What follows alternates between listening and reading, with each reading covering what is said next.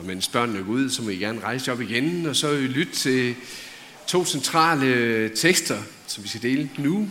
Dels fra Jeremias kapitel 31, om den nye pagt, Gud vil øh, oprette, og øh, Jesu ord fra Johannes Evangeliet kapitel 14. Mens de sidste hønder ud, så kan vi begynde med at høre teksten fra Jeremias. Der skal komme dage, siger Herren, da jeg slutter en ny pagt med Israels hus og med Judas hus. En pagt, der ikke er som den, jeg sluttede med deres fædre, den dag jeg tog dem ved hånden og førte dem ud af Ægypten. De brød min pagt, skønt det var mig, der var deres herre, siger Herren. Men sådan er den pagt, jeg vil slutte med Israels hus, når de dage kommer, siger Herren. Jeg lægger min lov i deres indre og skriver den i deres hjerte. Jeg vil være deres Gud, og de skal være mit folk. Ingen skal længere belære sin landsmand og sin broder og sige, kend Herren, for alle kender mig, fra den mindste til den største, siger Herren. Jeg tilgiver deres skyld og husker ikke længere på deres synd. Og Jesus sagde, elsker I mig, så hold mine bud, og jeg vil bede faderen, og han vil give jer en anden talsmand, som skal være hos jer til evig tid, sandhedens ånd, som verden ikke kan tage imod, fordi den hverken ser eller kender den. I kender den, for den bliver hos jer og skal være i jer. Jeg vil ikke efterlade jer faderløse. Jeg kommer til jer. Endnu en kort tid, og verden ser mig ikke længere. Men I ser mig, for jeg lever, og I skal leve. Den dag skal I erkende, at jeg er i min far, og I er i mig, og jeg i jer. Den, der har mine bud og holder dem, han er den, der elsker mig, og den, der elsker mig, skal elskes af min far. Og så jeg skal elske ham og give mig til kende for ham. Amen. Værsgo at sidde.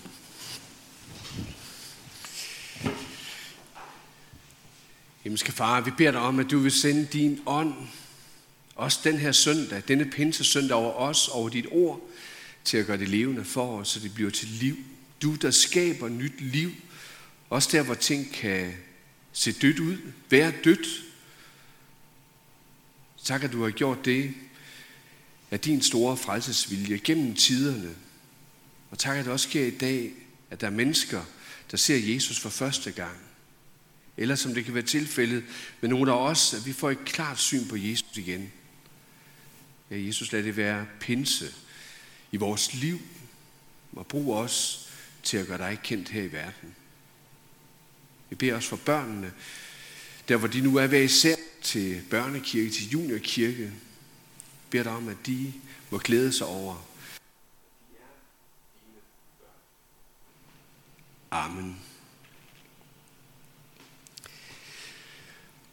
Påske var lige til pinse. Vi kunne begynde at synge den i stedet for, at julen var lige til påske. Lad os bare begynde en ny sang i dag. Påske var lige til pinse. Pinse, ja, det bliver nærmest et punktum for påsken. Eller måske endda rettere. Et klimaks for påsken. For hvad er det nu lige egentlig, vi fejrer her i pinsen? Jeg kunne godt tænke mig, i stedet for at gøre det sådan her i dag, prøve at gøre det lidt sådan her. Så vi får noget fast grund under, hvad det, det betyder, at vi fejrer pinse. Vi hørte i begyndelsen af gudstjenesten, det som Jesper han øh, læste op fra Apostlenes Gerninger, at der med et kom fra himlen en lyd, som er et kraftigt vindstød, og den fyldte hele huset, hvor de sad.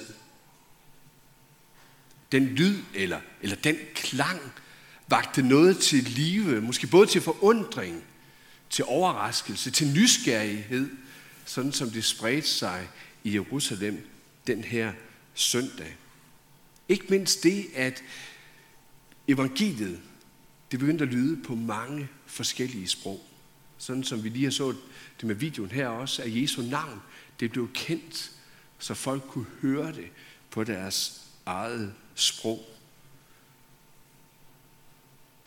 Hvad var det lige, der skete? Ja, når vi fejrer påske, så knytter vi det til udvandringen fra Ægypten. Og tæller man en 49 dage frem, syv uger, det var i hvert fald sådan, rabinerne var vant til at gøre det, så kom man til den tekst i 2. Mosebog, kapitel 19, hvor der står, i den tredje måned kom de til Sinai, bjerget. De her syv uger, og hvis man tæller første og sidste dag med, altså 50 dage, det er også det, vi plejer til, og det er navnet egentlig også pinse, som betyder den 50. 20. Så påske er en anledning til netop at få talt frem de her 50 dage til pinse. Hvor de møder Gud ved Sinai, hvor de fortsætter vandringen gennem ørkenen med løftet om at komme ind i det lovede land. Den her afgørende begivenhed, der sker ude ved Sinai, den kommer faktisk til at sætte en ramme også for det, der gør, når vi fejrer pinse i dag, nemlig et møde med Gud, og hvor Gud laver en pagtslutning med sit folk. Gud han kommer så at sige ned, ned på toppen af bjerget, både viser sig, så folk kan se det, taler med Moses og giver folket loven, for at de kan hellige sig, være Guds pagtfolk, leve som hans, så de kan lære lydighed, og så de kan kende, hvem Gud er.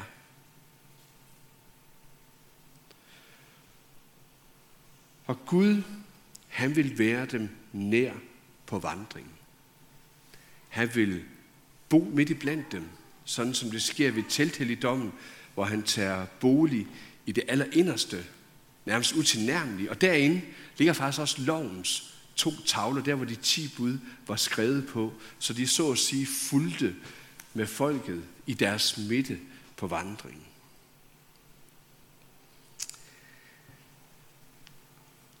Påske, det er forudsætning for at kan fejre pinse. Det blev faktisk meget tydeligt, da man fejrede påske også på Jesu tid, sådan som man gjorde det efter forskrifterne, at man, man øh, svingede et ne ind for Herrens ansigt. Det var et bygne, fordi det var der byghøsten begyndte, og det sluttede man med, med et nyt ne, som nu også symboliserede, at nu begyndte hede, høsten. Og det her med at svinge ind for Herren betød egentlig, at det første af byggen, af veden, første grøden, tilhører Herren. Og med pinsen, som jo egentlig blev et klimaks, betød det egentlig, at, at fra nu af, hver gang noget nyt blev høstet, så skulle det bringe som en første grøde til Gud. At alt første tilhører Herren. Pinsen blev dermed også en karakter for, at noget nyt begynder. At noget nyt kan høstes ind, ind til den store afslutningshøst.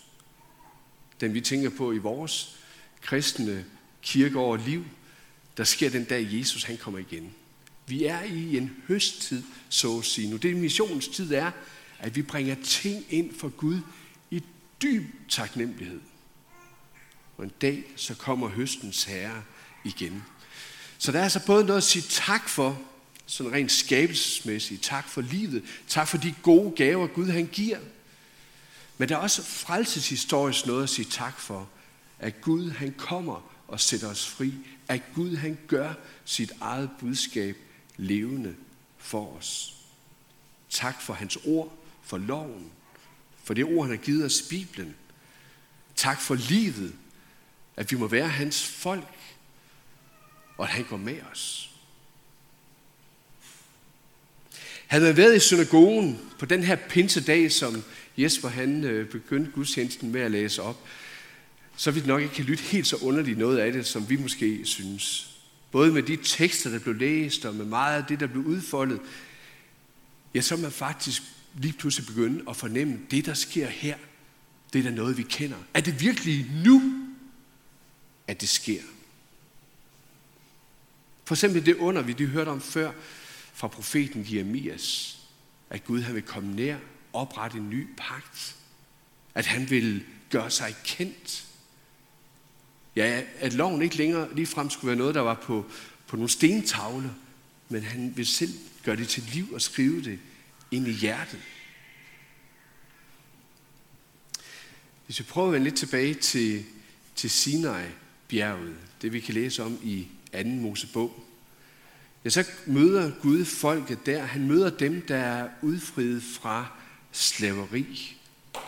De har overvundet døden. Ikke af dem selv, men ved blodets magt. Det blod, de smurte på dørestolper. Og Gud førte dem vældig igennem. Befriede dem fra alle fjender og førte dem derhen, hvor han vil møde dem. Og Gud han indgår en pagt med dem. Han gør dem til sit ejendomsfolk. Gud han giver dem, som sagt, en lov, så de kan fortsætte vandring, kende ham, lære hans væsen at kende på vej mod det forjættede land. Gud han kommer selv ned til folket og medfyldt, medfuldt af lyn og torden, af lyn, af hornklang og røg.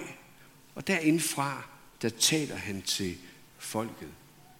Der var egentlig hurtigt en, en tradition for at forstå, at øh, den måde Gud han talte på, det var faktisk, at de både kunne se hans røst, ja, se de her lyn, glimt eller flammer. Flammerne som, som Guds ord, der udgår fra Guds mund. Man kan også finde et sted, hvor der er en forståelse af, at de her ord, der nærmest knistrer ud fra Guds mund, at hver eneste gang de lyder, så spaltes de op i 70 knister eller 70 flammer. Og det tal er måske faktisk ikke helt så ubetydeligt. For baggrunden for, at Gud har møder folket derude ved Sinai, ja, der skal vi egentlig længere tilbage i Bibelen. Netop til det løfte, som Gud han giver til Abraham, når han siger, i dig eller i dit afkom skal alle jordens slægter velsignes.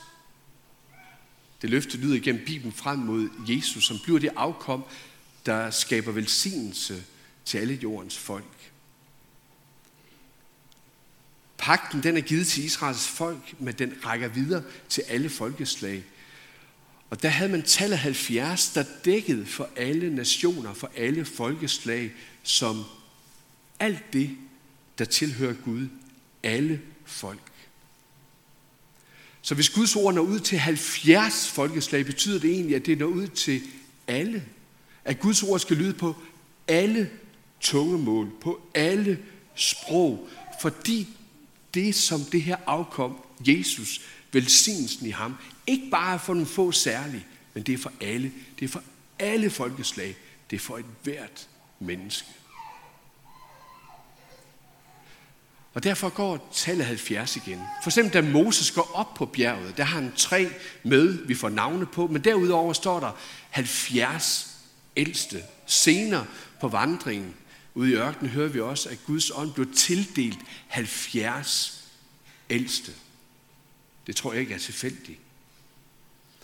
Og deroppe på bjerget, der indgår Gud en pagt med folket, og Moses står der han slagter et offer, tager halvdelen af det, smører det på alderet for at konkretisere pagtsindgåelsen, og for os at så at sige delagtiggøre dem, som Gud slutter pagt med.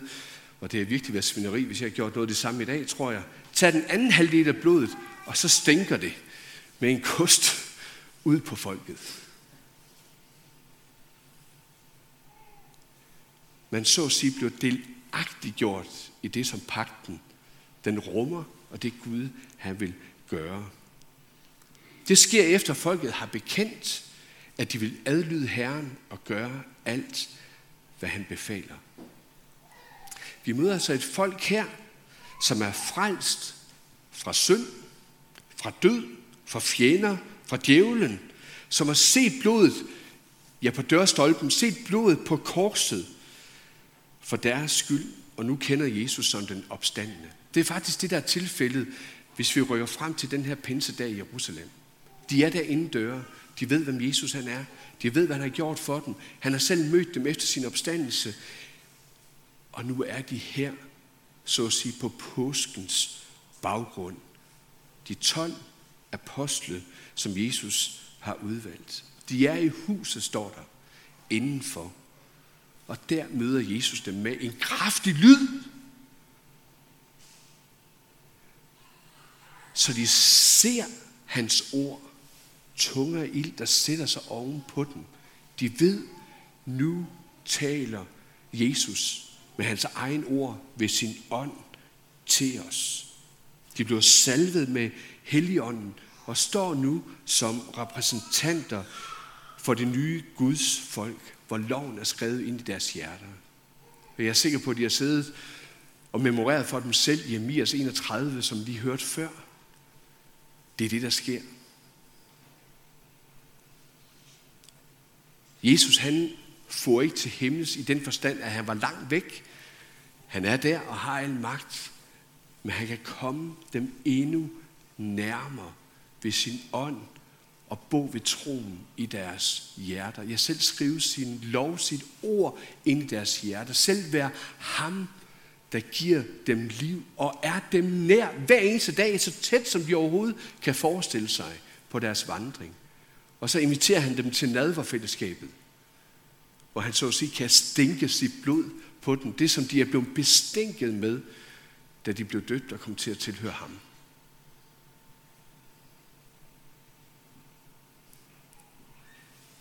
Her ved sit ord, dåben, nadveren, kan Jesus hellige sit folk på vandring hjem mod de løfter Gud han har givet hjem mod målet på den nye jord.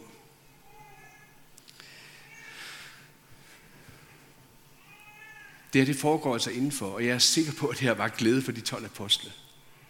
Og de åbner alle skodder op, hvor det ellers har været hermetisk lukket i flere dage nu. Kommer ud på gaden, stormer op igennem de små trange gader i Jerusalem, op på tempelpladsen. Og så står de deroppe, hvor underet sker igen, og måske har man stadigvæk kunne se ildtunger over hovederne på dem, og så begynder de bare at tale. Sprog på alle mulige sprog. Hvor enhver, som vi hører en lang liste af jøder, der er i Jerusalem ved den her valgfartsfest, hørte Guds ord på deres eget sprog, fordi frelsen i Jesus ikke kun er for dem, der kunne hebraisk eller aramæisk, men også for dem, der kunne græsk og arabisk og alle mulige andre sprog, også dansk.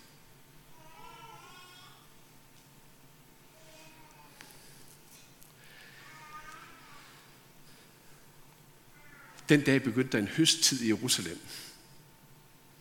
En missionstid, og jeg kunne læse resten af apostlenes gerning og se, hvordan det fortsatte videre i Jerusalem, i Samaria, ja, forhedninger til verdens ende, sådan som det også sker i dag, indtil Jesus kommer igen, og hvor vi skal ende i en stor takkefest. Men, for der er egentlig også et, et vigtigt men. Da Moses han stænkede blod på dem, der tog imod pakslutning over på bjerget. Der var det fra et dyr. Det var fra en stedfortrædende død. En død i folkets sted, som banede vej for, at folkets liv blev overgivet til Gud. Blodet, det kommer til at etablere en enhed mellem Gud og hans folk. De blev hellige og renset til ham ved den her stedfortrædende død, de hører sammen. Og skulle en af dem bryde pakten, ja, så vil det også betyde død. Påskens budskab om Jesu død på korset og hans opstandelse til evigt liv, ja, det får vi også del i ved at blive renset til at tilhøre den korsfæstede.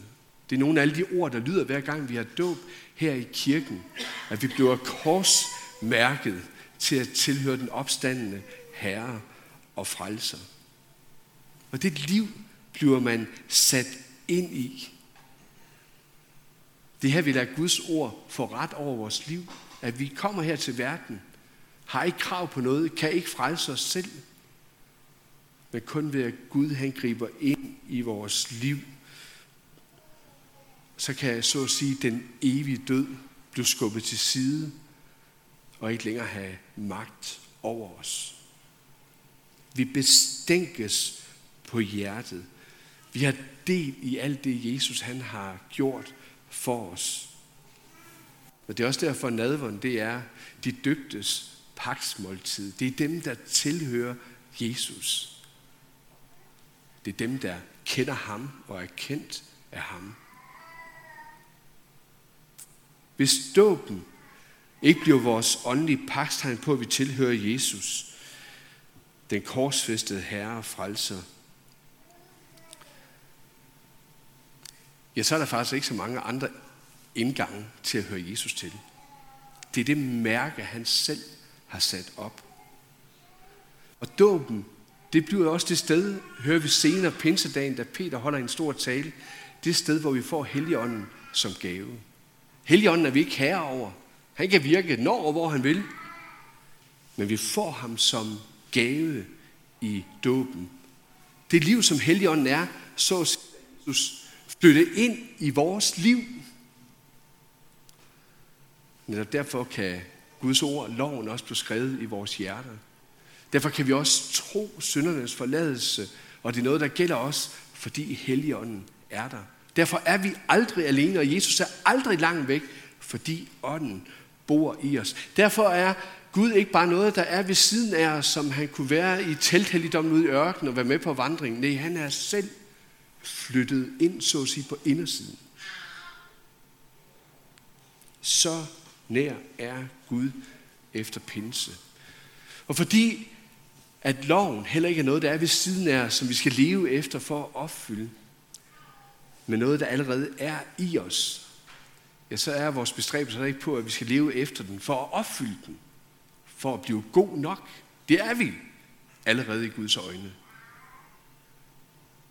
Men den har givet os til at leve efter og altid gøre os afhængige af Jesus.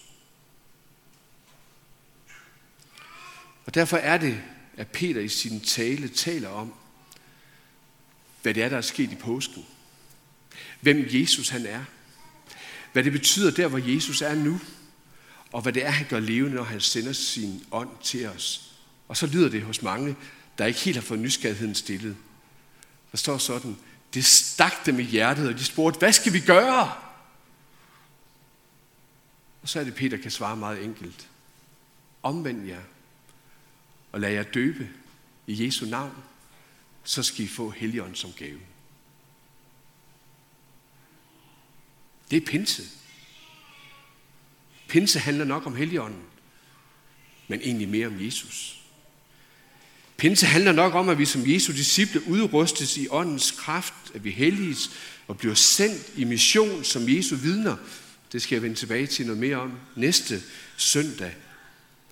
Men det sker mest i det lys, at det er Jesu mission til verdens ende, ånden har gang i, og at Jesus han vil være os nær alle dage, fordi han har sendt sin ånd til os. Og derfor handler for mig at se pinsedag heller ikke om en særlig åndsudrustning, der må ske for alle kristne som en tilbagevendende begivenhed. Og at det tydelige kendetegn på den her dag, det er tunge tale, sådan som nogle kirker taler om det og udlægger den her tekst. Den pinsedag i Jerusalem, som vi hører om her, skete frelseshistorisk en gang for alle. Ligesom at påsken med Jesu død og opstandelse skete én gang for alle. Men budskabet, det skal gøres kendt, og det skal forkyndes igen og igen. Og hvor er det så, det stiller os? Ja, pinse, det er sol, glæde og liv, nærmest også sådan, som vi begyndte at synge det i salmen i al sin glans. Pinse, det er håb om, at Gud han holder sin hånd under os, og også have det skabte liv med sine gode gaver. Og der er meget at tak for. Og pinse, det er også en bøn om, at han vil lade sin ånd vække vort folk op til at se Jesus. Det er der virkelig også stor behov for. Du må leve som en påskekristen ved at holde fast ved Jesus. og at hans død og opstandelse også gælder dig, og at det er nok til frelse. Du må leve som en pinsekristen ved at holde fast ved Jesu ord og leve efter dem som et barn af ham. Bliv helliget til at ligne Jesus mere og mere. Vær fyldt af hans kærlighed og møde andre med den kærlighed. Og møde andre med tilgivelse, sådan som du selv er blevet tilgivet. Og så våge at gå i tro på, at Jesus har sendt sin hellige ånd i dit hjerte, udruster dig med sin kraft, så også du med dit liv kan gøre Jesus kendt i din hverdag. Blodet, der har frelst. Ildtunger, Guds ord, ånd, der gør levende. Kærlighed, der blev virket. Påske og pinse hører sammen. Jesus han er til liv for verden. Han er til liv for dig og mig. Og det er derfor, det budskab skal ud til alle. Et budskab, der i sidste ende er med til at ære Gud for den, han er. Derfor er der god grund til at ønske hinanden en glædelig pinse. Et budskab om Jesus, der må blive til liv.